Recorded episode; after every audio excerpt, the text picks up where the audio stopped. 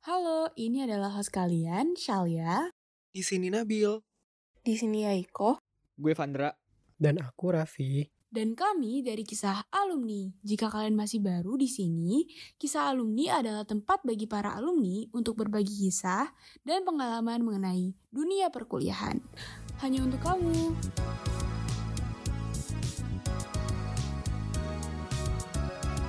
Semuanya, aku Shalia, balik lagi di podcast kisah alumni. Hari ini luar biasa banget nih, kita kedatangan tamu yang keren banget. Jadi kakak ini datang dari Medan, lalu merantau untuk bersekolah di ITB dan membangun sebuah jasa training namanya Alpha Training. Seperti yang kalian baca di judul, tanpa lama-lama lagi kita langsung panggilin aja nih, Bang Umar.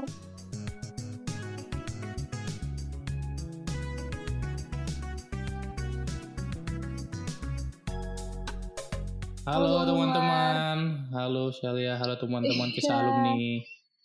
Boleh dong kak diceritain kegiatannya apa aja sih selama pandemi ini?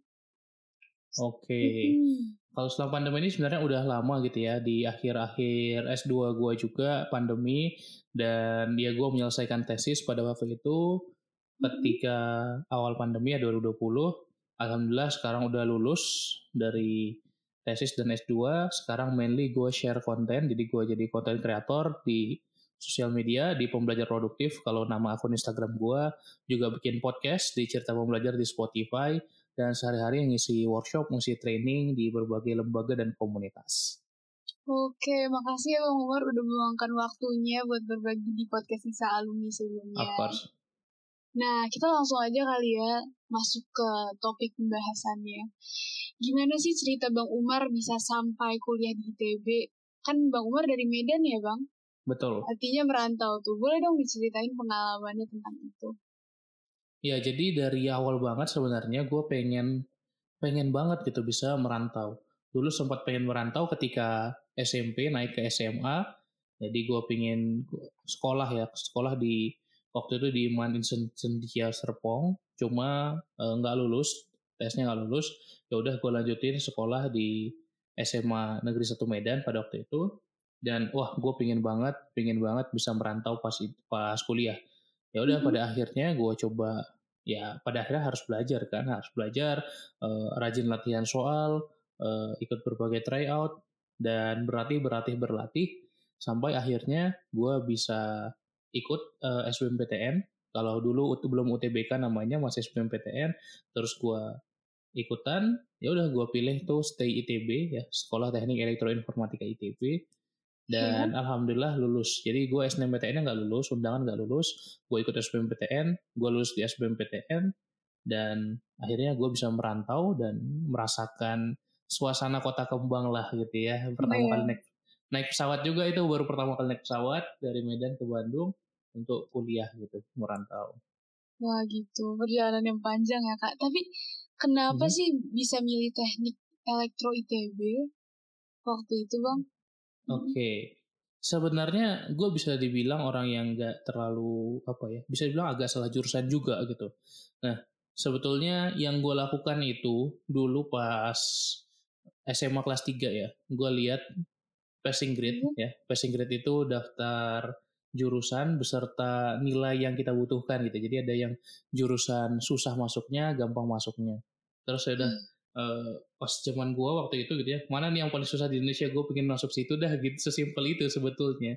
Dan pada waktu itu ada dua stay ITB dan FKUI kebetulan gua nggak suka biologi ya udah ya udah stay ITB aja deh. Jadi sebenarnya sesimpel itu sih gua eh, ngambilnya. Tapi memang ada ketertarikan dikit di bidang teknologi jadi ya Hmm. mungkin dari situ masuk juga sih Oke, nah ini agak rame nih bang pertanyaannya nih Mhm. di sini. Kenapa Yes. bang Umar milih karir pet yang kalau bisa dibilang jadi mentor gitu kan ya kak? Eh, padahal bang Umar anak teknik gitu.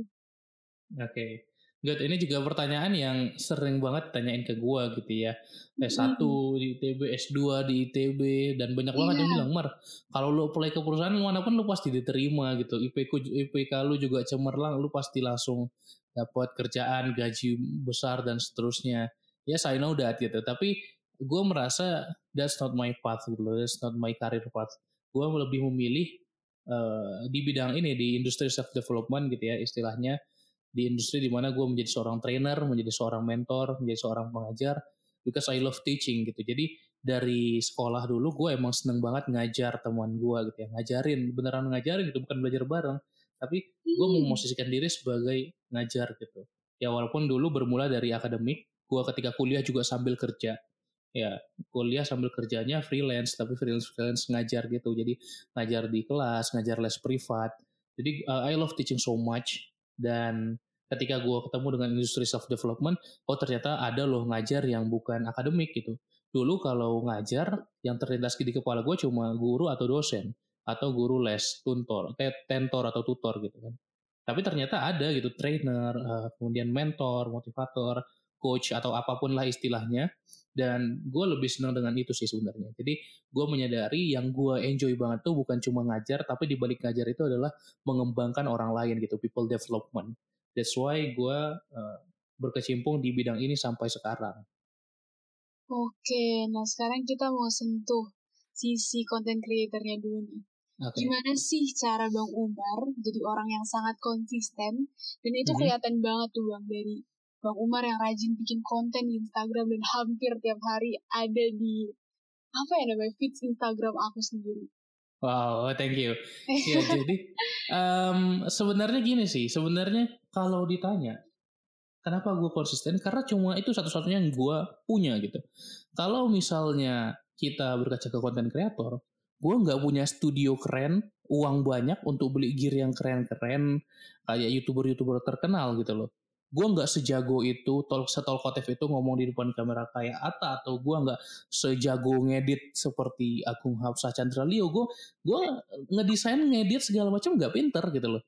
Awalnya ini ketika kita bilang awalnya ya mic juga gue rekaman podcast pakai HP awal awalnya gue nggak punya apa-apa skill ngedit uh, atau jaringan net networking gitu ya atau skill design uh, atau jago banget ngomong di depan orang nggak juga gitu. Jadi yang bisa gue andalkan konsistensi aja gitu. Dan konsistensi itu adalah hal yang paling murah sekaligus paling mahal harganya gitu. Jadi semua orang bisa melakukan konsistensi sebetulnya. Ya udah karena model gue cuma itu ya itulah jadi senjata jitu gue sampai sekarang. Setiap hari bisa upload post kadang sehari bisa tiga gitu. Why gitu? Kenapa? Upload podcast juga gue setiap hari upload gitu. Why? Kenapa? Karena ya itu yang bisa gue lakukan gitu just be konsisten dan akhirnya pasti akan dapat hasilnya. Salah satu mentor gue Marta namanya kak Marta bilang gitu ya dan masih gue ingat sampai sekarang sekarang itu ya lu fokus menebar aja dulu. Lu fokus menabur benih aja gitu jangan fokus menuai. Nanti ada saatnya lu akan menuai apa pun yang lu tanam sekarang. Dan mindset itu yang gue pakai sampai sekarang just create create create create and create gitu. Wah, luar biasa banget. Nah, dengan membuat konten yang hampir tiap hari ini nih, Kak. Mm-hmm. Eh, Bang ya dipanggilnya. That's bang, okay. uh, pernah gak sih kehabisan ide untuk buat kontennya? Dan kalau pernah gimana tuh? Yes. Jadi, uh, sebenarnya gini. Sebenarnya banyak trik-trik ya, trik-trik yang uh, bisa kita terapkan gitu. Kalau pernah, mungkin pernah. Tapi gue bisa bilang gue adalah orang yang jarang kehabisan ide. Why? Kalau gue bilang trik-trik simpelnya ya udah kalau kita muncul ide langsung gue catat. Jadi gue bisa catat di notes HP atau gue tulis di sticky notes gue tempel di whiteboard gue di kamar. Nah setiap orang itu uh, sebenarnya bisa selalu muncul ide-ide di kepalanya tapi tidak men tidak mencatatnya sehingga lupa gitu ya. Eh tadi kayaknya gue mau bikin apa tapi kelupaan ya. Mungkin lu pernah nggak uh, Celia merasakan seperti itu gitu ya? Pernah iya. nggak? Yeah. Ya kan? Jadi uh, kenapa? Karena kita nggak catat ide-ide itu. Kita kepikiran apa kita catat aja. Just take some notes gitu loh. Ingat, kita harus catat gitu karena ingatan yang paling sorry tinta yang paling kabur sekalipun itu bertahan lebih lama daripada ingatan yang paling segar. Jadi ya catat catat catat. Itu adalah trik-trik kecil gitu. Kemudian uh, kita bisa sourcing ide dengan cara cari di internet apa yang dibutuhkan. Terus gue uh, bikin Q&A atau kolom pertanyaan kalau di IG story terus orang-orang wah bang bahas ini dong. Itu juga bisa. Atau gue baca kolom-kolom komentar orang itu butuh apa? Tanya apa? Itu adalah trik-trik kecil sebetulnya. Nah tapi sebenarnya hal utamanya apa? Tadi mikronya ya. Makronya adalah ketika kita mau share konten terutama kalau di bidang gue self development kita perlu seimbang antara input dan output. Jadi seakan-akan kita mau sistem yang output-output terus, yang ngeluarin konten terus, yang ngerilis postingan baru terus, educate orang, menginspirasi orang, tapi kita nggak pernah input, ya nggak akan bisa. Ya gue baca buku setiap hari. Gue tahun lalu baca 52 buku dalam setahun. Gue ikut webinar, course, segala macam. Ya gue terus input-input ke dalam diri gue supaya gue akan lebih mudah output ke orang lain karena storage gue udah banyak isinya, kurang lebih gitu. Oke, jadi banyak ya uh, tempat untuk mendapatkan inspirasi. Betul banget. Nah, sekarang nih sebagai founder Alpha Training dan mm -hmm. Bang Umar juga membuka jasa mentoring gitu ya? Betul. Nah, apakah Bang Umar membangun itu sambil belajar atau sebelumnya Bang Umar telah mencari banyak pengalaman dulu? Terus gimana sih Bang Umar membangun Alpha Training itu sendiri? Gimana memulainya dan lain-lain? Oke, okay, bisa dibilang both sih sebenarnya. Karena ya gue ngonten, gue bikin alpha training, gue juga sambil belajar gimana cara membuatnya. Yang gue lakukan pertama kali adalah iseng aja sebenarnya bikinnya. Jadi gini ceritanya. Gue pingin banget jadi seorang public speaker, jadi seorang pembicara, ya kan? Yeah. Tapi kalau seseorang gak jago, kenapa dia diundang jadi pembicara? Ya lu pasti ngundang Bang Umar ke podcast ini karena melihat sesuatu dari Bang Umar. Dan dulu ya gue bukan siapa-siapa. Gimana bisa gue diundang jadi seorang pembicara? Bener kan? Jadi gue nggak diundang karena gue nggak jago. Entah itu secara public speakingnya atau gue memang punya ilmu yang layak untuk di-share. Ya kan? Nah, hmm. tapi kalau kita mau jago di public speaking, pasti juga lo sepakat, kita harus punya banyak pengalaman ngomong. Kita harus punya banyak panggung untuk latihan ngomong supaya kita jago ngomongnya, bener nggak? Bener banget. Nah akhirnya kan menjadi lingkaran setan kayak kita mau apply kerja, mau apply kerja butuh dua tahun pengalaman, mau nyari pengalaman harus kerja. Ya udah gitu aja muter terus. Sama gitu. Gue pengen jadi seorang trainer, jadi seorang public speaker, tapi gue butuh pengalaman, gue butuh panggung, butuh arena untuk berlatih. Tapi gimana ada orang yang mau mengundang gue karena gue juga nggak jago. Akhirnya gue approach uh, beberapa lembaga organisasi, nih gue bisa ngisi tentang ini. Tentu awal-awal gue ngisi gratis, nggak dibayar. Walaupun sekarang udah dibayar tentunya. Di awal-awal ya udah gue ngisi gratis, gue tawarin, nih gue bisa ngisi tentang ini, ini banyak lah gue kasih bookletnya, listnya apa yang bisa gue isi. Udah ya lama-lama ada kemakan lah satu dua orang mau uh, menggunakan dalam tanda kutip jasa gue. Akhirnya gue juga bikin alpha training dari situ. Ya udah kalau nggak ada yang mau ngundang gue, gue bikin sendiri dah webinarnya. Sesimpel itu. Dan pada waktu itu gue belum ada follower puluhan ribu kayak sekarang ya. Follower gue masih 600 gitu loh. Tapi ya udah gue bikin aja alpha training, gue share-share di story, di grup-grup, gue minta bantuan teman gue share. Dan webinar pertama gue di alpha training itu, bahkan yang daftar over kuota, kuota kita zoomnya 100 kan, 170 yang daftar, bahkan nggak semuanya bisa ikut gitu. Karena memang gue share tentang time management waktu itu webinarnya, ternyata banyak loh orang yang mau, ternyata banyak orang yang butuh ya selama ini gue apa ya terlalu menahan diri aja. Padahal sebenarnya ya bisa aja kalau kita mau bikin mau jadi pembicara ya udah kita bikin aja eventnya sendiri. Itu sebenarnya ide awalnya alpha training itu muncul. Sekarang ya udah rutin bikin kelas-kelas. Oke. Nah tadi kan bang Umar udah sempat menyentuh juga ya tentang mengambil karir yang self employed ya bang. Yes tapi betul. kenapa sih memilih untuk membangun jasa training dan menjadi mentor secara spesifik itu gimana tuh? Oke, okay. karena self employed kita tahu banyak banget gitu ya. Dan yeah. yang paling penting adalah sebenarnya sesuai passion aja gitu ya. Kalau tanya, Bang Umar bisa nggak uh, handle sosial media gitu, sosial media marketing, digital marketing? Yes, gue bisa. Sini gue jawabanin. Bisa nggak bikinin website landing page? Yes, bisa. Sini gue jawabanin. Tapi tapi that's not my passion gitu. Itu hanya my skill, hanya penguasaan keterampilan aja. Ya my passion is to teach gitu, untuk belajar dan juga terus mengajar. Sesimpel itu ya. Jadi yang gue lakukan adalah yang sesuai passion gue dan gini loh. Ya kalau misalnya ada uangnya atau enggak itu menurut gue bonus lah. Tapi sekarang alhamdulillah udah udah ada ya uangnya kalau sekarang. Tapi ya ketika baru pertama mulai ya udah I enjoy what I do gitu loh. Sesimpel gue melakukan pekerjaan yang gue senangi sehari-hari ya apalagi yang kurang gitu loh. Udah oh, gitu aja sih. Nah ini nih jadi penasaran juga kalau misalnya nih bang ada orang yang mm -hmm. merasa kayaknya keterampilannya tuh bukan itu tapi dia pengen banget untuk mengambil jalur itu misalnya menurut bang Umar gimana mendingan kita mencocokkan dengan keterampilan kita atau melakukan apa yang kita cintai menurut bang Umar gimana Pertama, itu berarti orang yang fixed mindset kalau kita harus mencocokkan dengan keterampilan kita. Kenapa? Keterampilan atau skill atau ability itu kan bisa dilatih, bisa dipelajari. Artinya kita bisa punya 100 keterampilan sebetulnya. Benar nggak? Hey, kalau di tem- gini dah, di jurusan gua, jurusan teknik elektro, siapa yang ngajarin social media marketing, digital marketing, Facebook ads? Siapa yang ngajarin? Kagak ada. Ya akhirnya itu kan skill yang bisa gua pelajari sendiri gitu. Yang ya gue belajar website, belajar bikin web, landing page, ya bikin sendiri. Gue belajar list building, teknik-teknik marketing, social media, public speaking, yang nggak ada dipelajarin di kelas anak teknik gitu loh. Ya semua skill itu bisa dipelajari. So kembali lagi apa yang lo suka, kembangkan, kembangkan. Kalau lo udah nyemplung dan udah mempelajarinya, lo merasa enjoy, ya udah itu passion lo. Kalau lo ternyata ah ini cuma suka skill saja, ya cari hal lain lagi yang lo suka, yang lo enjoy dan dalamin itu. Gitu. Jadi itu sebenarnya cara kerja passion. Oke, nah untuk Bang Umar sendiri, pernah nggak sih punya distraksi dalam mencapai cita-cita Bang Umar atau keinginan Bang Umar? Kalau ada boleh dong diceritain Bang. Oke, biasanya Hmm. sebenarnya distraksinya sih standar-standar aja ya. Hmm. Kayak distraksi eh, handphone atau distraksi ya gue males ngerjain apa yang gue lakukan, ya udah gue eh, nonton YouTube dulu atau main game dulu gitu. Tapi kalau untuk khusus mengejar cita-cita, biasanya eh, permasalahannya adalah konflik dengan orang-orang yang ada di sekitar gue, apalagi orang-orang yang kita sayangin kan. Ya awal-awal eh, orang tua gue nggak setuju ngapain bikin konten kayak gini gitu ya. Ya mending lu kerja aja jadi engineer kurang lebih gitu. Teman-teman gue satu angkatan mungkin 80% tuh kerjanya di bidang IT engineering gitu. Ya namanya juga anak teknik gitu kan. Ya siapa ini ini ngapain nih satu orang ini sendiri gitu kan tiba-tiba bikin konten gitu nggak nyambung banget gitu.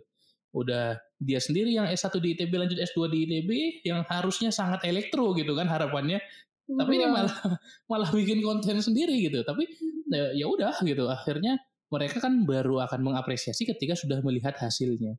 Sama gitu orang-orang di sekitar gue juga akan mengapresiasi kalau oh ternyata ada loh kalau misalnya gampangnya uangnya gitu ya. Dan oh ternyata bisa loh akunnya Umar grow sampai sekarang gitu ya. Dan ya that's good gitu. Ya just just proof gitu. Ju- ju- buktikan aja gitu. Buktikan aja kalau emang lo bisa eh, menghadapi gitu segala keraguan-keraguan tadi gitu. Jadi cara mengatasinya eh, ya lakukan itu. Kalau untuk secara cita-cita tadi ya secara besarnya lakukan dan buktikan bosnya lo bisa melakukannya bisa ngegarap itu dengan baik. Gak cuma wacana doang gak omong doang. Sama kalau distraksi-distraksi kecil tadi ya kalau menurut gue ini sih ya self reward itu perlu dan istirahat sejenak itu juga perlu gitu ya. Kalau misalnya kan gini ya kan gue self employed ya. Hari ini Iya. gue nggak gua nggak kerja ya udah terserah gue lah besok gue kerja sampai lembur juga terserah gue jadi sebetulnya eh, kebebasan itu sebenarnya yang paling gue cari gitu kebebasan nggak disuruh bos jam 9 sampai jam 5 sore wah harus Mhm. kerjain ini kerjain ini tapi kebebasan untuk gue bisa kerja kapan pun di mana pun eh, dan bisa melakukan apa pun ya udah itu yang paling gue kejar sebetulnya Nah, oke. Bang, pernah nggak sih tapi fear of missing out gitu? Jadinya Mhm. kan kita kayak nggak punya istirahat untuk diri sendiri. Itu banyak juga tuh yang mengalami itu. Sebetulnya justru gue banyak istirahatnya kenapa Oh, karena gitu. gue yang menentukan jadwal gue sendiri gitu loh gue gini konsepnya beda ya antara sibuk dengan produktif gitu Nah, aha. ya kan banyak orang yang sibuk kerja dari pagi siang sore malam di instastory kemudian ngelihat wah gue kerjaan ini kerjaan mulu kerjaan mulu seakan-akan dia produktif padahal dia sebenarnya sibuk gitu ya full gitu dengan pekerjaan pekerjaannya gitu loh. Padahal belum tentu itu menghasilkan value benar nggak? Lebih Iya. mending gini loh lebih mending gue kerja sehari cuma tiga jam cuma empat jam tapi gue bisa memberikan value yang lebih banyak. Itu produktif gitu. Ya sekian jam lainnya gue bisa santai-santai bisa dengan teman-teman dengan keluarga gue bisa enjoy my life gitu tapi benar-benar di jam ketika gue kerja gue produktif makanya konsepnya sebenarnya kan efisiensi gini uang itu tidak mengikuti effort kita gitu ya usaha kita makanya ada kuli yang kerja 8 sampai 12 jam sehari dibayar rendah tapi ada editor, animator atau content creator yang kerja cuma sejam dua jam sehari dibayar mahal. Kenapa? Karena value-nya lebih tinggi. Jadi orang nggak peduli seberapa besar effort yang kita kasih, energi, tenaga, waktu yang kita kasih. Tapi value kita seberapa besar itulah yang akan dibayar. Jadi be productive not busy gitu. Oke. Nah, Bang Umar, sekarang pengen membahas masa depan nih. Rencana Yes. ke depan Bang Umar tuh kayak gimana sih? Apa yang Bang Umar mau capai selanjutnya? Eh, selanjutnya gue pingin bikin gini sih gue pingin bikin sebuah platform eh, platform sebenarnya bisa dibilang education juga ya di mana kita Iya. belajar itu pengembangan diri kita belajar self development kita belajar life skills. Yes kita udah dapat banyak knowledge hard skills dan mungkin beberapa soft skills juga dari sekolah dari kuliah. Tapi sangat sedikit sih yang mempelajari life skills skill-skills yang benar-benar dibutuhkan sekarang gitu. Jadi bayangannya eh, ada sebuah platform yang isinya mungkin kalau sekarang paling dekat dengan online course lah ya. Online course yang ngajarin how gimana caranya kita bisa manage waktu? Gimana caranya kita bisa produktif? Gimana caranya kita bisa mengelola emosi kita? Gimana caranya kita bisa mengelola keuangan finance kita? Gimana caranya kita bisa mengelola hubungan dengan orang lain interpersonal? Gimana caranya berkomunikasi dan public speaking? Gimana caranya kita bisa eh, membangun hubungan yang baik dengan pasangan kita dengan keluarga kita? Gimana caranya kita punya growth mindset? Gimana caranya kita bisa menemukan diri kita itu siapa life purpose kita apa mengenali dan memahami diri kita? Itu semua life skills life skills yang perlu coy sekarang gitu dan udah banyak risetnya gitu. Tapi tidak diakomodar tidak diakomodasi oleh sekolah setidaknya sepengetahuan gue jadi gue pengen bikin sebuah platform itu di mana ya semua orang bisa belajar dari sana bukan skill digital marketing kan itu ada juga sekolahnya ada bootcampnya bukan skill programming. Karena itu skill-skill spesifik ke satu field tertentu. Tapi gue pengen bikin eh, sebuah life skills lah ya eh, sebuah platform di mana kita bisa belajar life skills yang relevan untuk memperbaiki our quality of life kurang lebih gitu Oke, keren banget. Semoga tercapai ya Bang dalam Amin. waktu ya kita nggak tahu lah, tapi didoakan secepatnya. Oke. amin thank you Nah kesan pesannya boleh dong Bang untuk an misalnya mahasiswa atau anak SMA yang mau mengejar cita-citanya. Oke, thank you, Shalia. Ya, jadi eh, pesan gue sebenarnya simple, follow your dreams. Dan gue tahu lu semua pasti, yang dengerin ini, lu semua pasti punya mimpi. Apa pun itu, tidak perlu compare dengan orang lain. Ingat, ada tiga buah racun pikiran, 3C. Compare, criticize, complain. Ya, Jangan membandingkan diri kita dengan orang lain, itu akan membuat kita insecure doang gitu compare kemudian jangan terlalu banyak mengkritik gitu ya mengkritik wah sistemnya ini yang salah pemerintah yang salah buat apa gitu kan criticize gitu. Kemudian satu lagi komplain. Percuma kalau kita komplain ya iyalah gua nggak kaya. Iya gua terakhir dari keluarga miskin. Gua nggak punya privilege segala macam. Buat apa? Itu tiga tiganya adalah racun pikiran. Compare criticize complain. So ilangin itu semua. Follow your dreams apa pun eh, impian lo gitu. Entah kerja atau kuliah atau apa pun gitu anything gitu. Apa pun yang pengen lo capai ya just follow your heart. Eh, nggak usah dibanding bandingin dengan orang lain.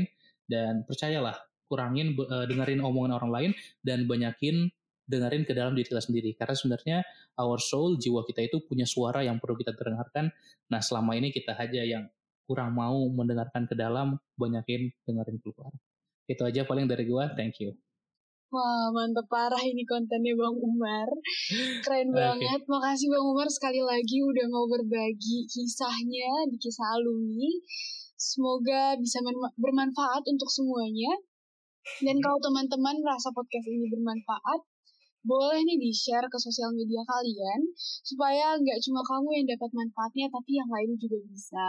Dan yang mau kepoin Instagram atau Twitter dari kisah alumni, boleh banget cek di @kisah_alumni dan untuk di Instagramnya Kak Bang Umar ada juga ya Bang at Betul, pembelajar at pembelajar produktif ya itu yes keren banget konten-kontennya dan hampir tiap hari upload ya Bang betul tiap hari upload Mantap pasti. Hmm, keren banget. Nah, sekian aja dari aku bincang-bincang hari ini, Shalia, dan bersama Bang Umar juga. terima Kami kasih teman-teman Eh, terima kasih juga Bang Umar. Kami pamit undur diri. Sampai jumpa di episode selanjutnya. bye bye Dadah.